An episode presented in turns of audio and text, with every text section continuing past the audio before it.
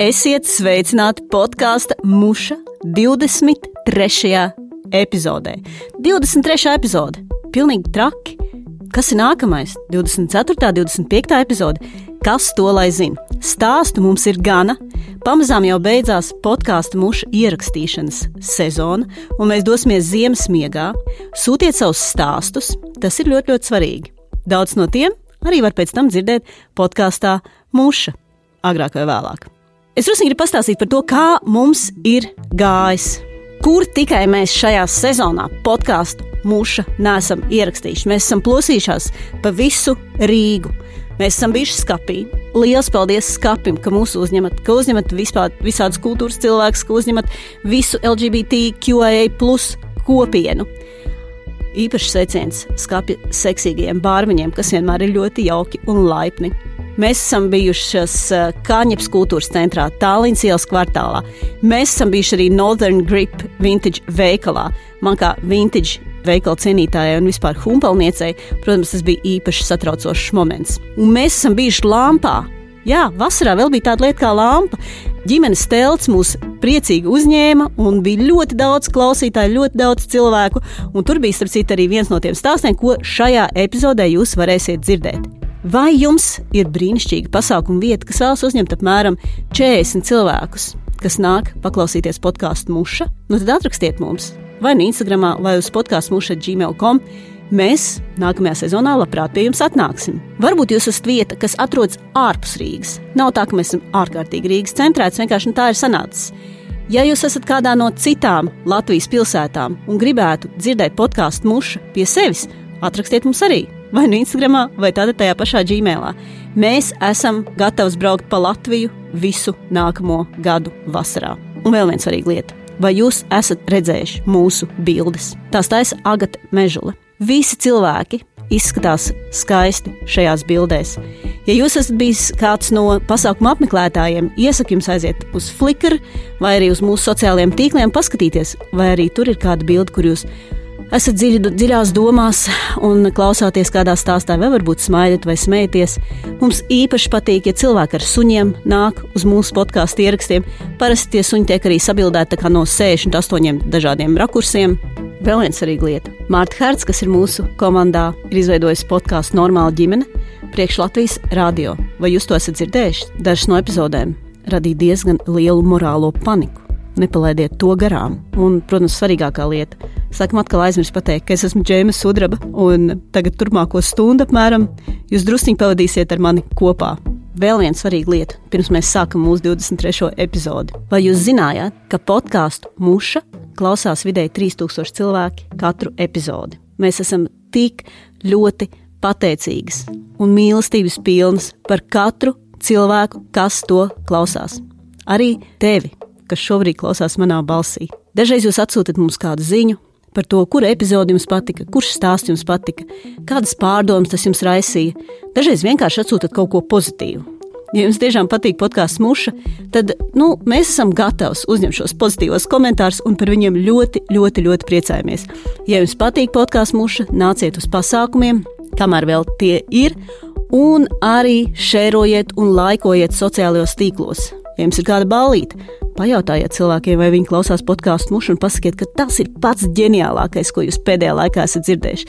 Ko tur liekties? Tā taču ir vai ne? Tā tad 23. epizode - mīlestība ar piesitienu. Tad, kad mūsu bērni bija mazi, mēs spēlējām tādu spēli. Tavs uzdevums bija aizspiest degunu, un tad tev prasīja, kas ir mīlestība. Un tad tev bija jāatbild. Mīlestība ir tad, kad tu otram cilvēkam liec justies labi un priecīgi par sevi. Ļoti iesaku šo izdarīt kopā ar bērniem, vai varbūt ar mīļoto cilvēku, lai nočakotu, kas tad priekš viņa ir mīlestība. Šajā epizodē mēs runāsim par dažādām mīlestībām. Nu, teiksim tā, no dieva un Jēzus līdz pat dažādām citām mīlestības izpausmēm. Uz ko jūs esat gatavi, lai atstātu iespēju uz savu pirmo mīlestību, nu, vai cilvēku, kas jums patīk?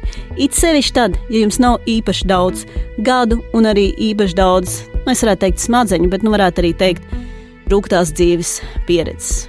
Par to stāstīs mūsu pirmais stāstnieks. Viņu sauc Marģers Majors. Viņu var redzēt raidījumā 100 grami kultūras. viņš ir cilvēks ar ļoti krūtu stilu, kuru daudzi Rīgā un arī ārpus Rīgas pazīst par dažādām viņa aktivitātēm. Mārģera Majora stāstu mēs nosaucām viens mazs jointiņš. Klausāmies! Mans stāsts uh, nosauksies ar vārdu episkākās 24 stundas manā dzīvē. Uh, man ir 29 gadi, uh, Marģers uh, dara visu kaut ko. Uh, dzīvē uh, katrā ziņā ne stand-up. Uh, to es neesmu darījis, uh, tik daudz man ir bail to darīt. Man ir jautājums par to, ka uh, Es teiktu, ka šis ir tāds kārtīgs uh, liberāstu pasākums. Lielākoties vairāk ir uh, liberāli cilvēki šeit starp savējiem, vai šeit ir arī kādi konservatīvi cilvēki. Var droši pacelt roku. Aha. Jā, nē, viss kārtībā. Jūs palieciet pie sevis. Jā. Nav arī citiem tas jāizrāda. Um, Bet e, atklāts jautājums par to, nu, es gribētu laikam šo savu stāstījumu ietērpt tajā, ka viss notiek pareizā laikā un pareizā vietā pie sevis šī frāze mani ir iemetusi daudz un dažādās dzīves situācijās, kurās es nonāku, kā piemēram tagad. Un mans tas, skatījums par pasauli ir tāds, ka, ja es gan vadu pasākumus, vai esmu kaut kur un man rokās ir mikrofons, tad šis skats ir tāds, ka man ir mikrofons priekšplānā, un tad ir auditorija. Un mans jautājums ir, kā es fucking šeit nonācu un kāpēc? Uh, episkākās 24 manā, stundas manā dzīvēm ir laiks 12 gadus atpakaļ, 2010. un 11. gadā. Pasākums Studentu paradīze. Zināms? Ja? Labi, uh, uh, nu man bija arī tāds empirisks vērojums, ņemot vērā, ka mēs tādi liberāli cilvēki stājamies vairāk par jaunām tiesībām šajā laikmetā. Uh, vai var droši, godīgi pacelt rokas un tic, ka jūs nebūsiet vienīgie? Un es arī atzīstu to, ka uh, pacēl rokas tie cilvēki, kuri kādreiz ir uzsmēķējuši marihuānu. Jā, labi, un pacēl rokas tie, kas nav uzsmēķējuši marihuānu nereizi. Ok, un tagad pacēl rokas tie kautrīgie cilvēki, kas vēl nepacēla rokas. Jā, jūs esat trešajā grupā. Vienmēr, vienmēr tāda ir. Uh, jā, un saliekot šos divus elementus kopā, studentu paradīzi un marihuānu. Stāsts sākas šādi, kad uh, ir šis pasākums, episkais pasākums, es mācos vidusskolā, es esmu, es esmu audzis Baldonē, atnāku uz Rīgu. Rīgas dzīve, kas notiek, jauni cilvēki, jauni notikumi, jauni pasākumi, viss kaut kas jauns, jauni piedzīvojumi, studentu paradīze. Nu, jāiet, nu, tur nav variantu, nu jāiet. Uh, draugu kompānija sēžam pie manas uh, dzīvoklī, iesildamies. Uh, izvēles kārtā es izvēlējos nelietot alkoholu, uh, jo man ir jāpadomā par rītdienu, lai man nebūtu tā, ka es rītdienu iedzert alkoholu, man būtu paģiras. Es izvēlējos tā vietā uzmē, uzsmēķēt mazliet marihuānu. Forši patusējam, skan mūzika, pasākums ievirzās, viens otru uzsildām, dodamies pasākumu, un es esmu uzsācis uh, trīs mazus kāsīšus sev līdzi, paņemt. Uh, Tad, uh, ejot uz pasākumu, vienu šo jointiņu mēs uzpīpējam pirms pasākuma, forši. Ejam iekšā pasākumā, lai saprastu visu to fantastisko atmosfēru šajā arēnā Rīga. Maza piebilde, tas notiek. Apsardzes tā kontrole bija nu, tā kā vecajos laikos uz robežas, kad nu, tur izkrata visu ārā. Uh, pārbaudīt cilvēkiem, cepurē to ienadzīti, kas ir iekšā. Lika pat zeķes vilkt no apavus, ņēma ārā mēlīt, skatīties, kur kas, ko, kā notiek. Cigaretes ņem ārā un pausta, vai tur kaut kas nav iekšā.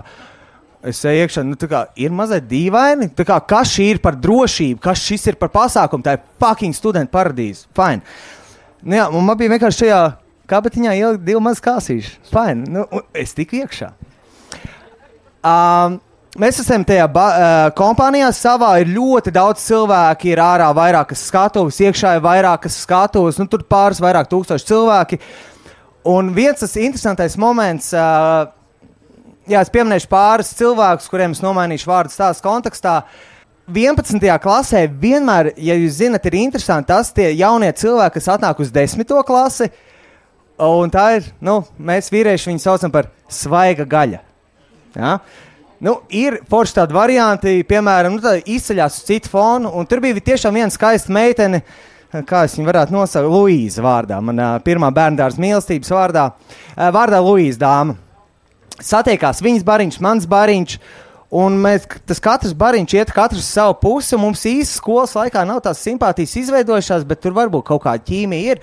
Un jūs zinat to sajūtu, kad uh, jūs ejat kopā, starp jums ir kaut kāds strāvojums, un atvadoties, jūs vienkārši mazliet ar rokām saskaraties.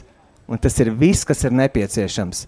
Tāpat kā aiziet uz randiņu, pirmo randiņu, kinoteātris, jūs sēžat blakus un tie pirkstiņi saskarās kopā vai roka popkornā. Nu, tas ir pilnībā viss, kas ir nepieciešams, lai sajustu, ka mēs esam uz viena viļņa. Un ņemot vērā, ka bija šis uh, mazais skaistais uh, mīlestības apliecinājuma incidents, es zināju, ja es Luīzu satikšu arī šovakar. Nu, mani mērķis, forši. Tus notiek. Uh, cilvēki svin dzīvi, studentu paradīze, kā nekā, un kas var būt skaistāks skolniekiem, nepilngadīgiem, pilngadīgiem, tikties studentu paradīzēs. Es domāju, tīpaši tiem studentu džekiem, kas atbraukuši no RTU, no laukiem, jā, aiziet pilns maziņajām, jā, un viss tas viss vecais old school vibe. 2011. gads atgādina. Izcils laika, laika posms, it īpaši stilā. Un tad ir uh, šis moments, kad uh, es eju pa gaiteni, un man pretī nāk Luīza. Jā, skaisti, forši. Nu, arī pareizā laikā un vietā mēs satikušies. Ejam, parunājamies. Uh, Aizejam uz Tomu Grēviņu telti. Toms Grēviņš vēl labu mūziku toreiz spēlēja. Padejojam, uh, pasēžam. Un man uz, uzsita uh, īziņa, draugs, ar ko mēs bijām bariņā. Uh, nezinu, kā tev sauc, labi, vīriešu draugu. Ārvis. Uh, Ārvis man uzsita īziņu. Oint? Ok. Uh, un es, es saku, Luīzai, klausies, es aiziešu uzpīpēt, stulīt nākšu atpakaļ. Uh, un viņi tāds, nu, it kā tā kā muļķīgi ņemt līdzi, it kā arī muļķīgi atstāt. Es izvēlējos atstāt. Abi varianti muļķīgi. Es aizēju, un tā, respektīvi, mē, mēs ar Arvi esam pa vidu, un tu domā, kur to darīt, ja? kur to jointiņu varētu forši uzsist. Idejas, lai saprastu to drošības līmeni, ir dubultais nožogojums, apsargi stāv iekšpusē un ārpusē, un pa vidu iet suņi ar apsargiem vēl klāt. Nu, reiz, es saku, tur bija, mēs tādā pentagonā mazliet tur bijām arēnā Rīgā. Īsti nav varianti. Ja ej ārā no teritorijas, tu ej ārā no teritorijas. Loģiski, nu visticamākais, ej pīpētāju vidū to darīt. Ok, nu, nočuko, viss kārtībā, tu esi viens no savējiem, piešķilt smēķē, viens otram paf, paf, pēc, vecā klasika. Un uh, Ārvis man padod to jointiņu, un es velku, un es skatos, nu, kaut kas baigi dīvains. Nu, Ārvim tāds, tāds, tāds fāters aiz muguras ir, nu, tas nav students, jā, tā tā, tāda līdaka. Uh, Un viņš tā kā ņēma ārvim tās rokas, un es jūtu, ka man kreiso roku ņem. Man ir tāds tas paf, paf, un es iemetu miskastē, saprotu, nav kaut kas labi. Nu, šis nav normāli. Un man te, nu, mūs aiztur. Un ok, nav labi, nav laba situācija. Uh, un es atceros, ka man šajā kabatiņā ir palicis vēl viens. Mana tā pirmā ideja, ok, šis var būt absurdi, uh, ja man nav kaut kāds pierādījums, jūs esat kaut ko sajaukuši, es varu debatēt, strīdēties, nav, bet man ir reāls pierādījums kabatā. Līdz ar to es mēģinu izvilkt ārā. Viņš man ir tur. Es mēģinu izvilkt ārā. Notiek cīņa. Es pielieto spēku, viņš pielieto spēku. Viņš pielieto spēku vairāk, ir ļoti neproporcionāla pozīcija kaut kādam kautiņam, ja viņš aiz muguras un viņš man ir tur. Uh, Līdz ar to viņš man jau nu, tā kārtīgi ar savu muskulāro spēku, nu tad, tad, nu, tad veids tādu, nu tā kārtīgi, viņš saprot, nav labi. Tad atnāk vēl viens. Man ieliek iekšā arēnā Rīgā gaitenī pie sienas, kājas plāt rokas aiz muguras, un es domāju, kas, bļaļ, fucking notiek. Ok, es gaidu, atnāk vēl viens džeks, viņi man kaut kādu savilcēju uzvalku uz rokas, savāc, un man bija šis, uh, tiek skatās Game of Thrones, ir tas kadrs Walk of Shame pa trepēm lejā. Uh, Man bija arēnas Rīga Walk of Shame, kad es biju 90 grādu leņķī uh, divu apsargu pavadījumā cauri visam arēnas Rīgas garajam gaitanim, pavadīts kruīzā uz kaut kādu telpu.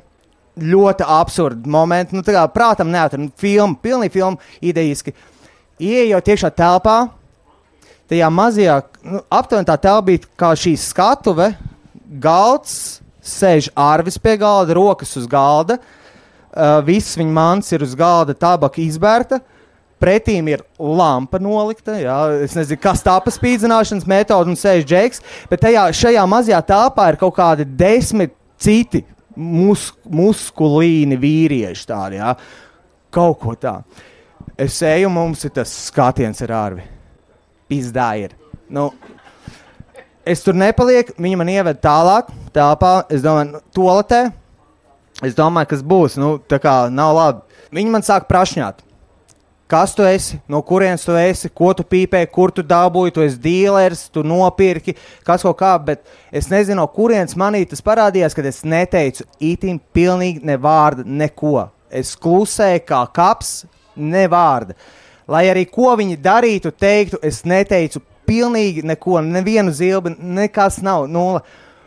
Un, eh, protams, arī viņiem ir savs pacietība līmenis, kā vīriešiem pret skolniekiem, bet jauniešiem, kuri neklausa, dabūna vienu labu sitienu pa kuģīti. Okay. Nu, tā kā, ok, Džeka, dabūna tādu celīt pa kuģīti. Uzšāva pa galvu. Tāds, tā, tā, tā, ko jūs, fucking, kā, ko jūs gribat? Es tā kā pīpēju jointiņu. Viņi, nu, vēl iesit, vēl iesit. Divi man tur tā, pa, pa, nu, tā pa počkām tā kārtīgi sadod, jo es tā kā neko nesaku, es joprojām pieturos pie sava. Spriedz augu, ok, uztais pādēnu, nogulda zemē, man joprojām rokas ir ar savilcējiem kopā. Prašņā mani. Fonā viņa runā, Eudžēka, vai zvanam Alfai augšai. Nu, te ir, te ir grābiens. Zvanam Alfai, un man zvanīja, man ir fucking 16 gadi, kāda Alfa, studentu paradīze. Nu, nopietni. Nu, jā, tas ir tas, kāpēc mums vajag šo specifiku, Alfa Omega. Jā, ir lielais, dūzis savākts. Uh, nu, es tā kā neticēju. Un tad bija tāda ļoti, ļoti pretīga spīdzināšanas metode, kad uh, es guļu uz sāna. Trīs pozīcijas, kā var būt pa galva, pa labi, pa kreisi uh, ar pieri zemē. Uh, es guļu, un viņš man vienkārši sit visu laiku knipjas pa degunu. Vienkārši klopē. Un prāšņā, klopē un prāšņā uzsit pāci, pa degunu, pāci, pa degunu. Vienkārši nu, sit ārā kaut ko, lai es pateiktu. Uh, arī dzen, noteikti morālais uh, prikols, kas vismaz pienākās. Pieci gadi cietumā, sots, krimināla atbildība, vispārējais. Nu, tā, lai izlādētu man līdz pēdējiem ārā. Ah, un bija tāds uh, arī fuck, episks uh, moments. Mani izvilka ārā guļu stāvoklī uz to blakus telpu, kur bija Oto. Oto jau bija bez drēbēm apenēs tikai, jo viņam lika izģērbties un gandrīz auto. uh, jā, nu, bez mazā viņa mānus pārbaudīt. Tur, nu, tā kā, ka, nu, tā kā Džeki reāli iespringa, lielais ķēriens Arvim. Uh, bet tā situācija bija man tā kā ķēra aiz rokām un aiz matiem izvilka, lai iedotu arī uh, Arvim spiedienu kaut kādu. Un es saprotu, nu, tā, nu, nu, kas nu, nu, pilnīgi nereāli. Un vienīgā tā doma, loģiskā, kas man bija, ok, mēs esam divi tā, joints ir pie manis, un mēs vienkārši uzmēķējām, un viss, kas man bija tas cieņpilnais, godpilnā sajūta, ko es gribētu panākt ar šo visu, lai paņemtu tikai mani, bet Arvi liek mierā. Nu, es vienkārši uzņemu šo visu uz sevi, jo viņam ir spoža nākotne, un tas būs ļoti smags. Uh, posms viņam, ja tas būs kaut kāds ieraksts viņa pagātnē iekšā. Uh, viņi man tur izsida ārā, arī dzēna izvelk ārā, atrod to mazo jointiņu, ok, pierādījumu, nesalauz, ieliec atpakaļ tā, lai viss paliek kā ir. Un, ok, izsauc mentus, aizved ekspertīzi, loģiski, ir smēķēt marihuānu, jā, asinīs uzrādās. Ne, es jau varēju tā kā pret asinīm būt, bet kāda jēga. Jā, kas man ļoti patīk, šie uh, ceļu policisti, ne ceļi, bet vienkārši policisti, kas veda. Uh, bija ļoti, ļoti sakarīgi. Teica, nu, jā, Džek, nu, sapisies. Jā, nu, uzsmēķēja marihuānu tajā vietā, nu, publiski. Mājās to var darīt, bet tā ir. Mājās var darīt visu, ko jūs vēlaties pie savām robežām. Likumiskajām. Uh, tad man aizved uz karceri, kamēr sagaidīja ekspertīzes rezultātus. Vai kāds ir bijis no klātsošiem kādreiz karcerī? Jā, jā, nē, nē, okay, nē, viss kaut kas atklājās. Kāds ir bijis? Ja? Nē, nē. Karcers ir visdrūmākā vieta. Zeltains sienas, viens solis, reistas. super garlaicīgi. Trīs stundas tu mēģini pārdomāt dzīvi, bet tas ir. Tu esi tikko bijis students paradīzē. Tu esi, ai, tu esi savākts mirklī, kad tu savai dāmai Luīzai pateici, es tulīt būšu atpakaļ. Un tev nav nekā, un es paprasu žurnālu vai kaut ko, un ļoti ironiski es lasīju kaut kādu Andra Kaviča interviju. Tas bija tāds, kā, nu, labi, fine. Tad es sarunāju, lai man aizved atpakaļ, savāc mantas, devos pie ārvijas dzīvokli, uzsinām jointiņu. Nu, vienkārši pilnīgi nereāla situācija. Es aizēju mājās. Un tā mana izvēle nelietot alkoholu, kas joprojām ir viss šis vakars un dienas nākamais turpinājums 24 stundu ietvarā, ir tāds, ka man nākamajā dienā bija jādodas uz manas omas, mammas, mammas bērēm. Viss šis piedzīvojums, kas ir noticis visu nakti, nebija pareizais laiks un vieta mammai pateikt šo, kad es biju karcerī, par marihuānas lietošanu, man sašņorēja. Bet, nu, hei, viss būs labi, mēs brauksim uz bērēm. Nu, ner nervas strong jau tur netur to visu. Uh, braucam uh, uz bērēm, un cik skaisti tas bija, cik dramatiski tas bija. Par to, kas notika, uh, es tik ļoti nedomāju, bet uh, es biju tajā momentā. Mēs pēdām bērnu mīlestību, un kaut kā manī sāk uzjundīt tās sajūtas, kas notiek pa dzīvi, jo man ir jābrauc tālāk. Man ir jābrauc tālāk uz uh, savu dzimto pilsētu, jo manam tēvam ir kāzas. Un notiek kāzu svinības, bēres un uzreiz kāzas tajā pašā dienā. Un es sēžu pie šī galda. Es saprotu, vienā brīdī es nevaru aiziet uz savu istabu. Es sēžu savā gultā un domāju, šīs ir bijušas viens no manām dzīves visinteresantākajām 24 stundām kādas man ir bijušas. Un tas ir par priekiem un bēdām pāri tam visam. Tas ir par pieredzi, ko tu pieredzi. Un skaidrs ir šie momenti. Būt pareizā laikā un vietā, un iespējams tas man ir devis mācību. Es pat nevarētu teikt, kādu mācību. Iespējams, to, draugi, mīļie, ja jūs kādreiz smēķējat marihuānu, nedara to publiski, festivālā, jā, jo kādam tas var nepatikt uh, un izraisīt tālāk ejošas sekas. Jā, un ar Lūiju nekas nesanāca. Viņa atrada manu klases biedru. Ar Ārvi mēs esam labākie draugi. Un šī ir tā pieredze, ko zināja līdz šim, ja nemaldos, kā desmit cilvēki no manas dzīves. Un tieši tāpēc es skatu izmantoju kā terapiju, lai ar to padalītos. Un šos esmu palaidis tālāk. Un es vienkārši ļoti, ļoti vēlu visiem klātesošiem cilvēkiem būt uz sava ceļa, pieredzēt, nebaidīties un dalīties. Un tā mēs visi varam būt gaišāki. Lielas paldies! Šis ir viss! Paldies, Marģer, ka dalījies šajā stāstā. Un ļoti jācer, ka turpmāk tavas pieredzes ar tiesību sargājošajām iestādēm nebūs tik ļoti negatīvas. Starp citu, atgādināšu, ka šis ir stāsts, ko mēs ierakstījām Lampā. Un, ja jūs gribat, lai podkāsts mūžs ir arī nākošais gada lampā, varbūt gribat mūs uzaicināt, varbūt gribat izstāstīt stāstu, varbūt gribat uztaisīt stāstu sesiju. Rakstiet mums un paskatīsimies, ko mēs varam darīt lietas labā. No 100 gramiem kultūras uz kilogramu kultūras. Mūsu nākamais stāstnieks, Gusts Cābeli, ir rakstnieks. Mēs šo stāstu ierakstījām Kaņepes kultūras centrā, ārā, tad vēl ārā bija silts starp citu, Un tajā laikā notika kilograms kultūras balsojums par viņu grāmatu Pasaulē mīļākais klusums. Drusciņi par to, kāds stāsts tad ir Gusta Ābels grāmatas pamatā, klausāmies stāstā Pasaulē mīļākais stalkeris. Šis ir stāsts par to, kā es uh, nokļuvu um, līdz savam debijas romānam, kuru tagad ir iespējams iegādāties un izlasīt. Uh, un, uh, tas sākās uh, 8. klasē, kad uh, mana māsīca, uh, ar kuras mācījos šajā vienā klasē, uh, man pajautāja, kāpēc man nekad nav krašņa uz vienu.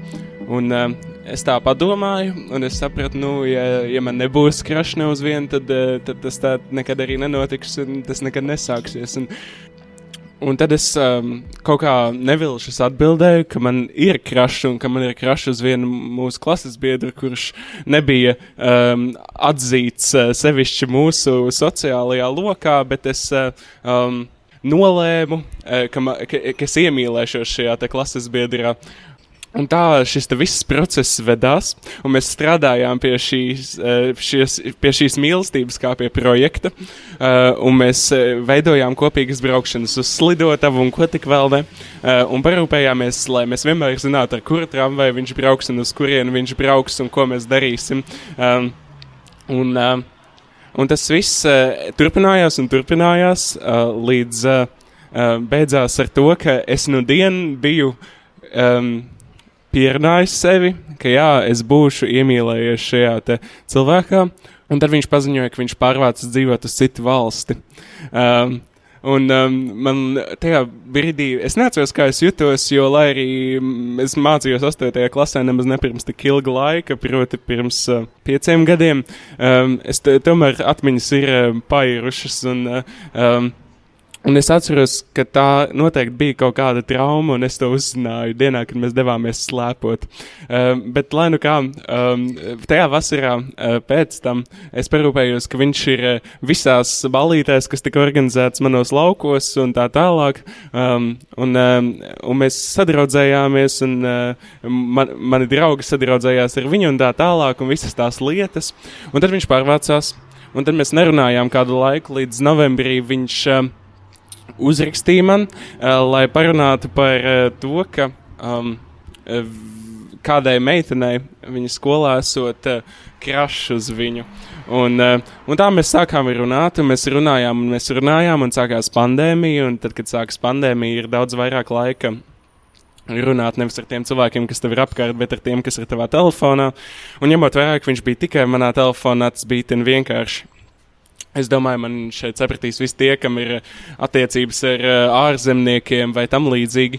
Nu, jā, un um, man bija tāds paradums ar visiem, ar ko es iepazinos, un man tobrīd bija tāda sajūta, ka es ar viņu iepazīstos no jauna, lai gan mēs bijām jau divus gadus mācījušies kopā. Um, spēlēt eh, piecu jautājumu spēli. Tas nozīmē, ka vienkārši katrs uzdod pa pieciem jautājumiem, līdz jūs vienkārši jums vairs nav jautājumu, ko uzdot, un jūs pazīstat viens otru no galvas līdz papēžiem. Un, kad mēs bijām izspēlējuši šo spēli, es viņam jautāju, lai viņš atsūta man uh, schēmu ar saviem draugiem, proti, kur ir viņa labākie draugi un tā. Um, um, un tā līdz perifērijai. Jo man bija ļoti svarīgi um, šīs labākās draudzības un uh, labākie draugi. Un, uh, vispār draudzība kā tāda man bija ļoti svarīga, lai cilvēki mani novērtē, lai viņi mani redz un lai uh, jā, lai, lai vienkārši būtu vienmēr skaidrība par to, kas ir kas, un lai tas nemainītos. Un tā nu viņš paziņoja, eh, ka es esmu viņa labākais draugs, un man tā likās viena no pasakainākajām lietām dzīvē. Un tad eh, vēl pēc kāda laika viņš paziņoja, ka viņš ir biseksuāls, kas man likās vēl pārsteidzošāk, tāpēc ka um, es savā ziņā zemapziņā biju izvēlējies viņu kā šo pielūgsmes objektu tā iemesla dēļ, ka es biju pilnīgi pārliecināts, ka viņš ir heteroseksuāls tas, tas būtu tā, nu, es to vienkārši nosaucu viņu kā vārdu, pie kura lai, lai atkritītos no, uh, no tā, ka man nekad nav kraša ne uz vienu.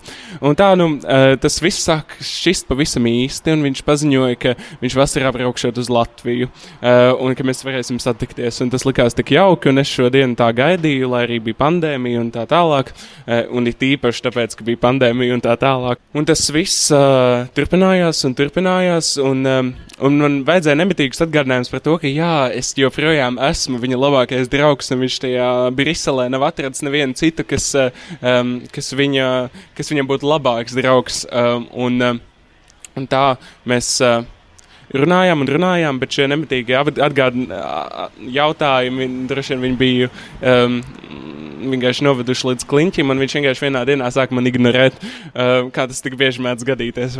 Un, uh, mēs ar draugiem to, laik, to brīdi bijām manos laukos un dzērām, un uh, tad mēs dzērām tā, kā mēs nekad nebijām dzēruši. Um, nu, tā bija katru reizi, bet nu, tad, tā, tā bija tāda ļoti liela un trauksmaina situācija, jo trīs dienas viņš man neatbildēja, un līdz šim mēs bijām sarakstījušies katru dienu um, un visu dienu un bez mitas, un uh, es brīnos, jo es tagad uh, nevarētu tā un es arī negribētu. Un es pēc tam esmu bijis pats nemitīgi tādās situācijās, kurās. Uh, um, kurās es vienkārši kādam neatbildu, uh, bet tolaik es to nesapratu. Es nesapratu, kā var man neatbildēt, un es tur izdomāju tūkstošiem scenāriju uh, savā galvā, un vispār šis viss stāsts ir par tādu scenāriju būvēšanu savā prātā, ka tu esi izdomājis kaut ko, kā patiesībā nav.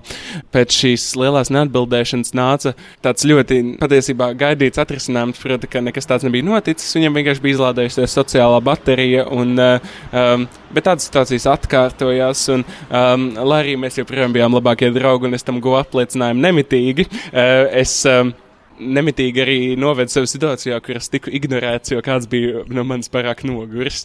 Un tas viss um, nestāvēja uz vietas, tas uh, attīstījās ar vien vairāk, un man ar vien vairāk uh, radās nepieciešamība kompensēt to, ka nu, kaut kādā zemapziņā jau es joprojām pret viņu biju kaut kādas romantiskas jūtas, uh, un es vienkārši nebiju gatavs atzīt to, ka viņam tādu pret mani visticamāk nav.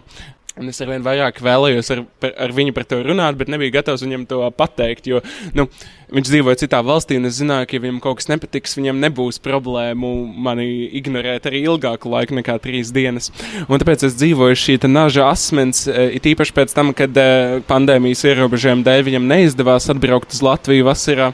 Mēs nesatikāmies, un man nebija iespējas pārliecināties par to, ka šis cilvēks, ko, ar ko es sarakstos un uh, ko es esmu iztēlojies savā ziņā, savā galvā, um, ir dzīves cilvēks, kurš elpo un domā, un kurš, kuram varētu būt uh, platonisks vai romantisks vai vēsas jūtas pret mani jebkādas. Uh, un, um, Un tad es viņam rakstīju un zvanīju miljonus reizes dienā.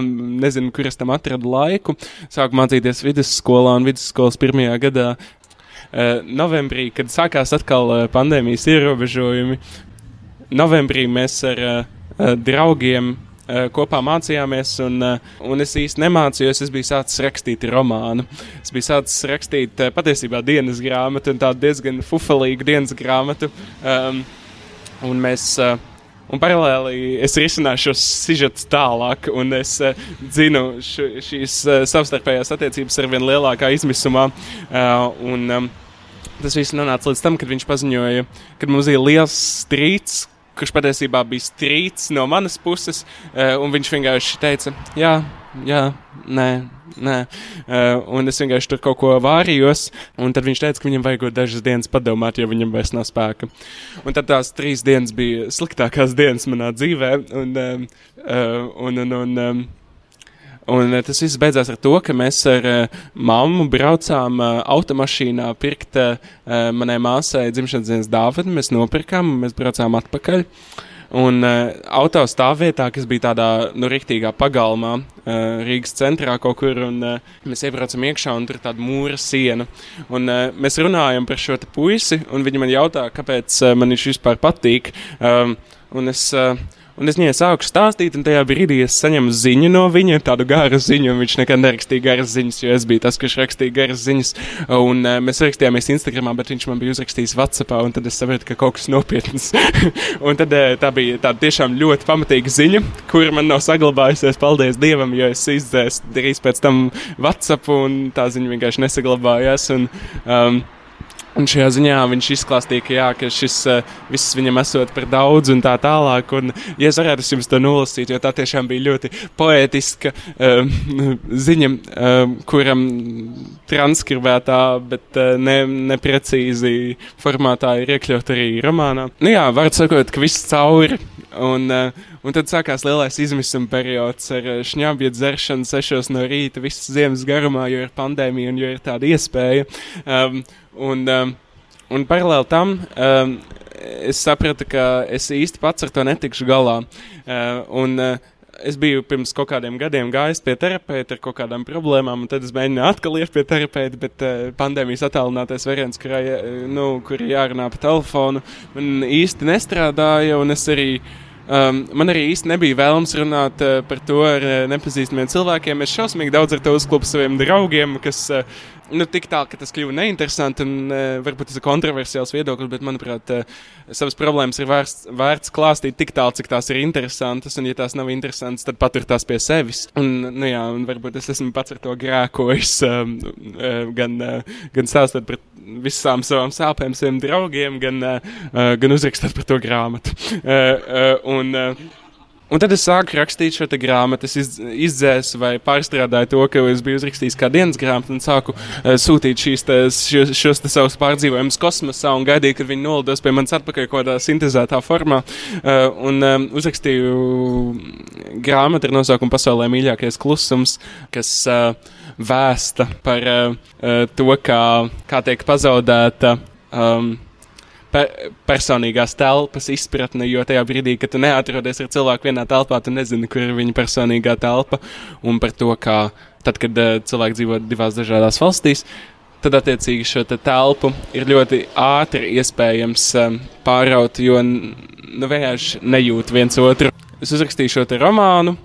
Um, man jau tolaik bija attiecības ar uh, citu cilvēku, ar vienu meiteni, un, um, un mēs uh, vienu manu draugu izdomājām, ka ņemot vērā, ka romāns ir uzrakstīts un it kā visam šim ir tikts pāri, uh, ka varētu um, šo romānu dāvināt cilvēkiem uz Ziemassvētkiem. Uh, un tad mēs draugiem drukājām tādas bukletiņas, kuros uh, bija uzrakstīta mūsu dzīve būtībā, tad viņi ļoti sajūsmināti katru nedēļu gaidīja jaunu bukletiņu ar jaunu nodaļu, kurā viņi varēs no jauna izdzīvot uh, savu, savus pusauģu gadus. Uh, un tā tas arī notika. Um, un uh, šo draugu starpā nu, mēs gan neesam tuvi draugi, bet mēs esam uh, pazīstami un mēs esam sarakstījušies ar vēstulēm. Bija dzēniece Inga Pizāna, kur man pamudināja šo romānu virzīt izdošanai, jo izrādās manā dzīvē ir kaut kas uh, vispār cilvēcisks un universāls. Un tad tas, um, un tad tas arī notika. Mans romāns um, arī apgādāja Jānis Rozes starpniecību, tika, uh, un man dzīve līdz ar to virzīta uh, šim te. Um, grāmatas formātam tuvāk, un uh, kaut kā šim procesam pa vidu es arī aizbraucu uz Briseli, um, jo man draugus dāvināja lidmašīnas biļetes, un tad mēs kopā aizbraucām. Uh, Un uh, es izdomāju aiziet līdz viņa mājai.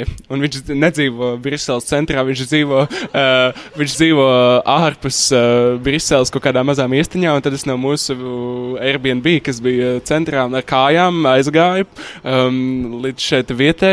Un es uh, aizgāju līdz viņa mājām, ieraudzīju, kā viņa tēvs izbrauc ar mašīnu. Tad es gāju apsēsties, ah, nu, kāpēc es zināju, kur viņš dzīvo. Jo, uh, jo mēs bijām arī sarakstījušies ar vēstulēm, jo mēs centāmies atgriezties kaut kādu tādu Viktorijas laikmetu um, uh, izjūta par to, par pasauli un, uh, un, un, un uh, kaut kādām romantiskajām draudzībām un tādām muļķībām. Un, un tad es trīs stundas sēdēju pie viņa mājām. Un es īsti nezināju, ko darīt. Es piezvanīju vienai no savām draudzenēm, lai viņa brauc šurp par vīnu pudeli. Jo, nu, es, kā, nu, es nezinu, nu, es nezināju, ir, kas ir tās iekšējais uh, monologs, kas man būtu jāizdzīvo, kas ir tās, uh, tas, uh, tas ceļš, kas man būtu jānoiet, lai, um, vai tas closure, kas man būtu jādabū, lai es pieceltos kājās un aizbrauktu prom. Um, un, um, Bet uh, tad tas viss atrisinājās pats no sevis. Šajā ceļojumā mēs visi nesājām saules brilles un mēteļus, jo mēs vēlējāmies izskatīties stilīgi, uh, jo mēs esam no Austrum Eiropas, un mēs esam ieradušies Rietum Eiropā, un mums ir uh, kaut kā jāpārtransformējas no šņabja dzeršanas sešos no rīta uz, kā, uz kaut ko stilīgāku. Mēs vēlējāmies, nu, varbūt um, nu, panākt kaut kādu kiču sevi, un tad mēs uh, nesājām saules brilles un mēteļus, un, mēs, un es arī tajā saules brillēs un mētelī stāvu tajā pietā ieturā. Nu, kā, man draudzene tur kaut kur maldās ar sabiedriskiem transportiem. Viņa ir aizbraukusi kaut kur LR ratā. Vienkārši stāvu un es gaidu, un es, uh, un es uh, nezinu, ko darīt. Un tad um, viss atrisinās pats no sevis, jo, um, jo man patrauc garām uh, šis puisis uz divriteņa un nokrīt no tā divriteņa.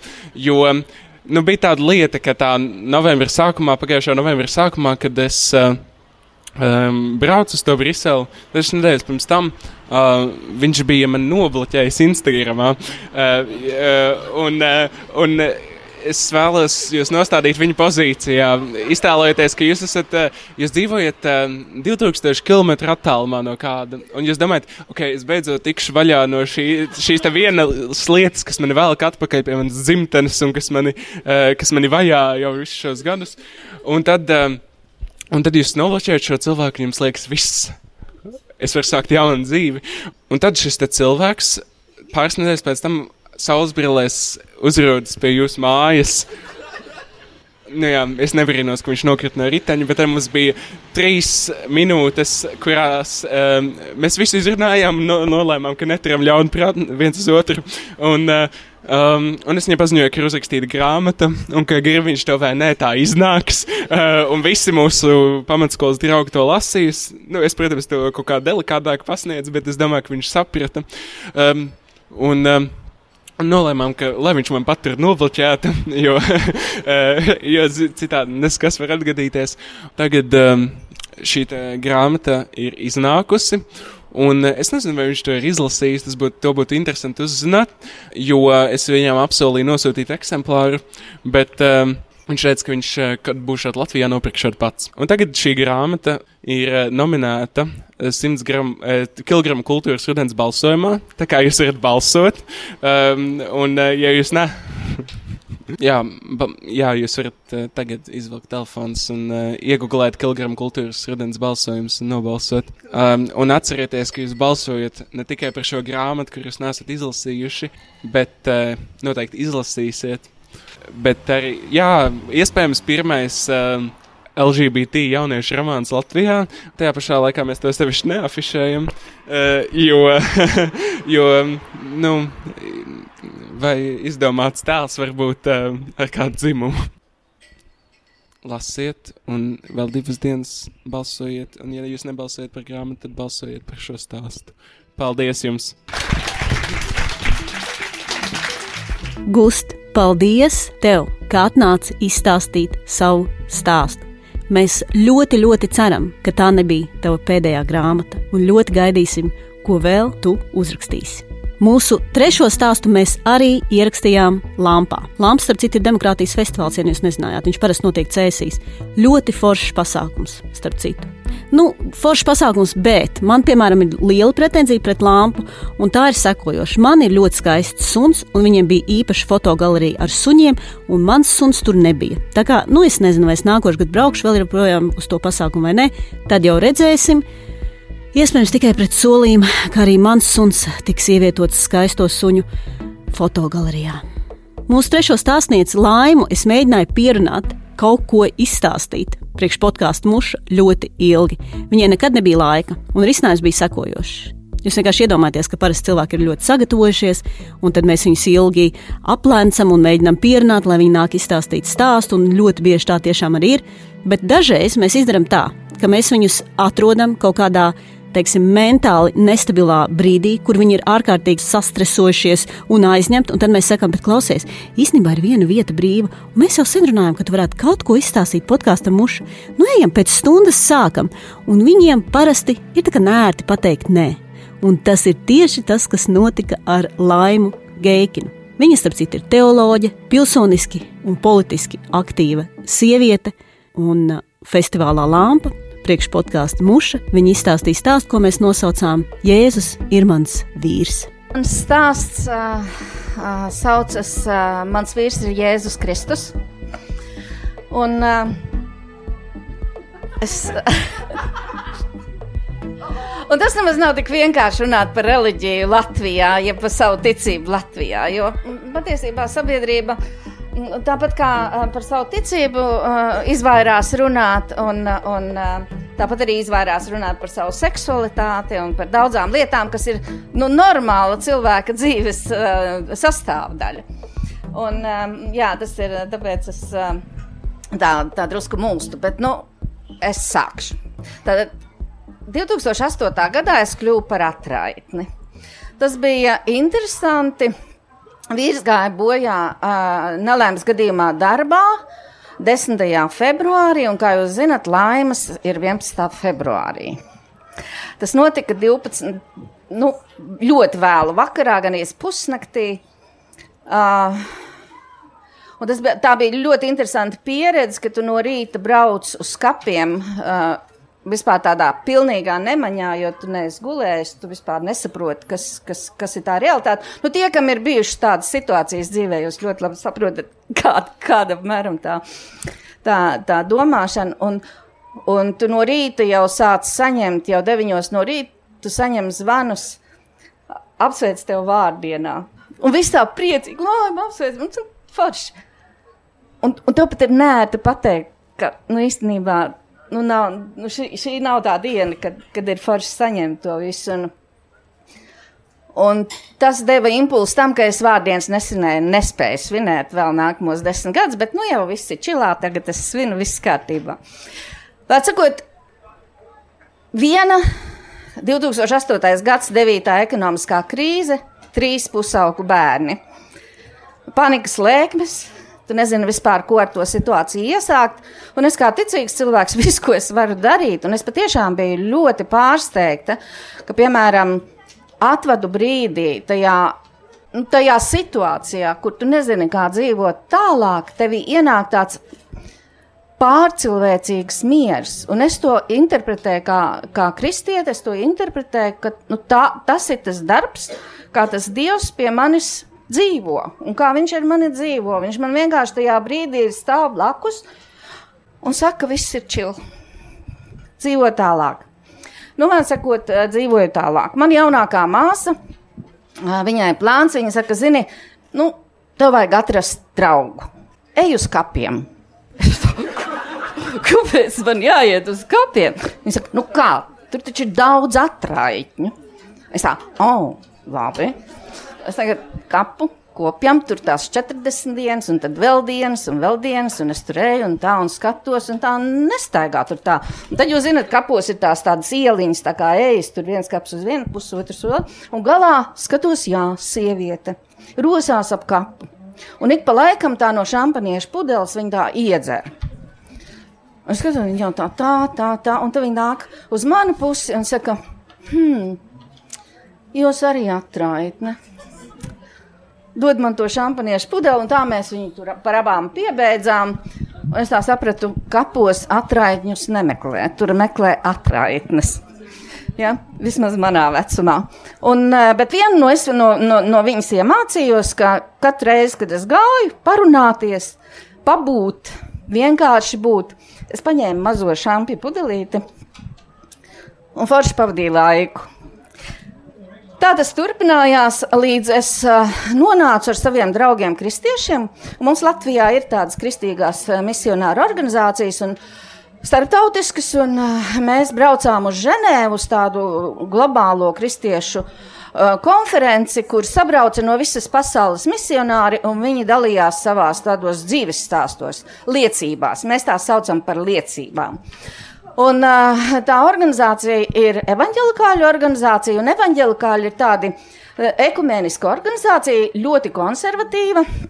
Uh, un, uh, nu, Viņu pamatmērķis ir tātad visus uh, pievērst Kristum līdz brīdim, kad jūs sakat, Kristus ienāca manā dzīvē. Nu tā.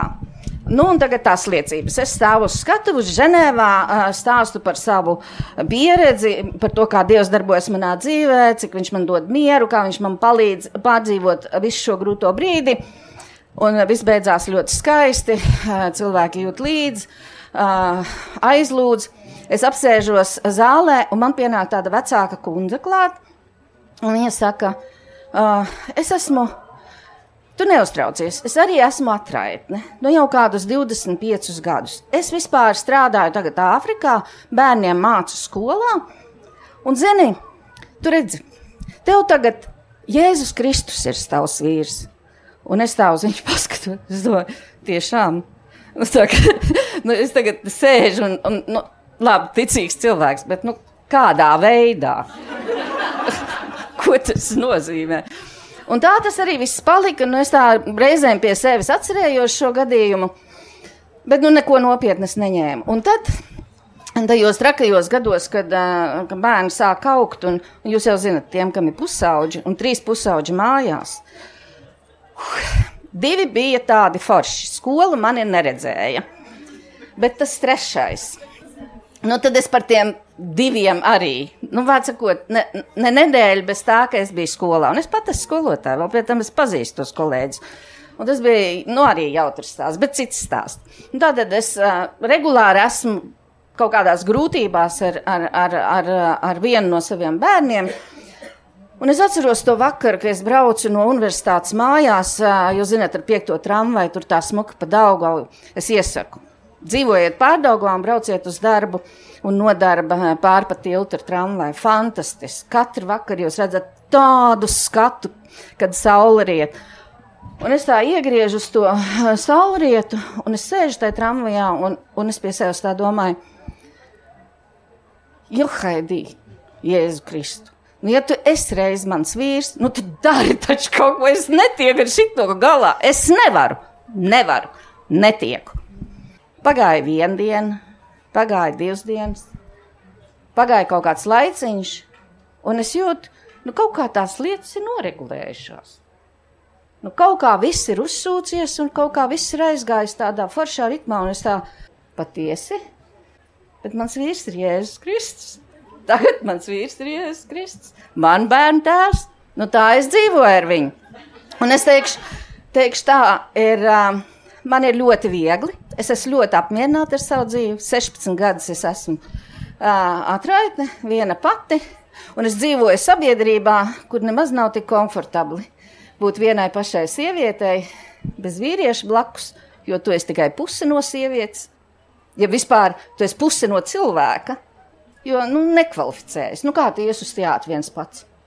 Es iemācījos, es metodiski iemācījos viena pati iet uz teātri, kino, koncertu, ceļot, iet uz restorānu. Tas nemaz nav tik vienkārši aiziet uz restorānu vienam pašam. Ja? Un, uh, Jā, es esmu ļoti apmierināta ar savu dzīvi, dzīvojot sabiedrībā, kur tev vajadzīgs vīrietis pie sāniem, lai tu būtu vērtīgi. Kur tev vajadzīgs noteikts vecums, lai tu būtu vērtīgi, jo neaizmirstiet, ka sievietes manā vecumā ir nederīgas, viņām beidzies derīguma termiņš, jo mēs jau neko vairs neražojam. Ja? Un, mēs dzīvojam sabiedrībā, jā, kur sieviete vientuļa ar sirmiem matiem un nedodies īsiem, jo man jau pamācīja internetā, ka manā vecumā sievi, sirmiem matiem ar uh, īsiem vispār ir negods. Tu nes, neesi sieviete, tu vienkārši neesi nekas.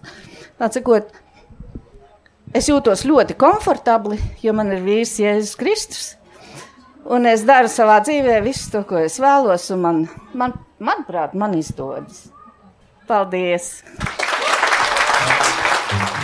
Nu, lūk, trīs stāsti ir galā. 23. epizode arī ir galā. Paldies Mārģeram, Laimai un Gustam. Mēs jums sūtām visu savu mīlestību un atbalstu. Mēs sūtām mīlestību un atbalstu arī tiem cilvēkiem, kam šobrīd Jēzus ir vīrs. Nē, nu šis arī es nezinu, cik ir korekti. Bet tas, ko es vēlējos pateikt, ka vientuļiem vīriešiem arī drīkst Jēzus būt viņu vīrs vai sieva, vai kā vien viņi vēlās to skatīties. Labi, es jau jūtu, ka man ir pamazām jābeidz. Gvelst niekus, nāciet uz podkāstu mušu pasākumiem, sekojiet mums sociālajos tīklos, laikojiet un šērojiet, stāstiet par šo podkāstu savai mammai, radiniekiem, brālēniem. Nezinu, aizsūtiet to kaut kādā šaušalīgā telegramu grupā, kur cilvēki dalās ar Krievijas propagandu. Lai viņi paklausās podkāstu mušu un varbūt bišķīt nomierinās. Šo podkāstu veidoju es, Džēma Sudraba, Marta Herca, Agata Mežula, Anita Valaina, Anna Katrīna Elme un Linards. Un viņš ir pierakstīts Linards Kerijs draudziņš, Linards Romka. Turpiniet mūs klausīties, lūdzu, lūdzu, lūdzu!